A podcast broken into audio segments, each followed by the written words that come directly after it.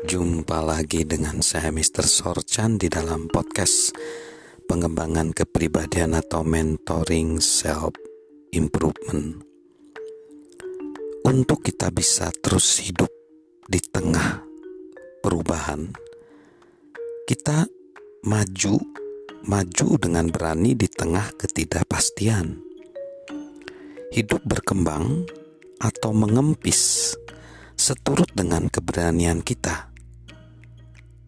Ketika kita gagal mentransformasi kehidupan kita karena ketakutan atau ketidakpastian, ketakutan malah akan bertambah dan malah itu menyebabkan frustasi. Semakin lamban kita di dalam menjalani kehidupan, maka akan semakin banyak peluang yang terlepas. Karena peluang selalu dikelilingi ketidakpastian.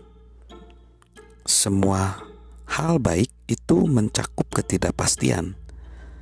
Dan keberanian dibutuhkan untuk menghadapi ketidakpastian itu. Coba perhatikan pernyataan Brett Lomnick tentang keberanian dalam bukunya The Catalyst Leader. Dia mengutip perkataan Andy Stanley, pemimpin dari North Point. Saat itu, Andy lagi berceramah di hadapan para pemimpin katalis. Tetapi ia juga menggambarkan tentang transformasi. Begini isinya. Begitu banyak hal luar biasa dimulai dengan satu tindakan keberanian sejak dahulu hingga kini. Seseorang bertindak dan membuat satu keputusan berani dan satu keping domino itu menggerakkan banyak keping domino lainnya. Kita harus bertindak dan mengambil langkah pertama itu dan kita mungkin tidak pernah tahu efek domino dari satu keputusan berani tersebut.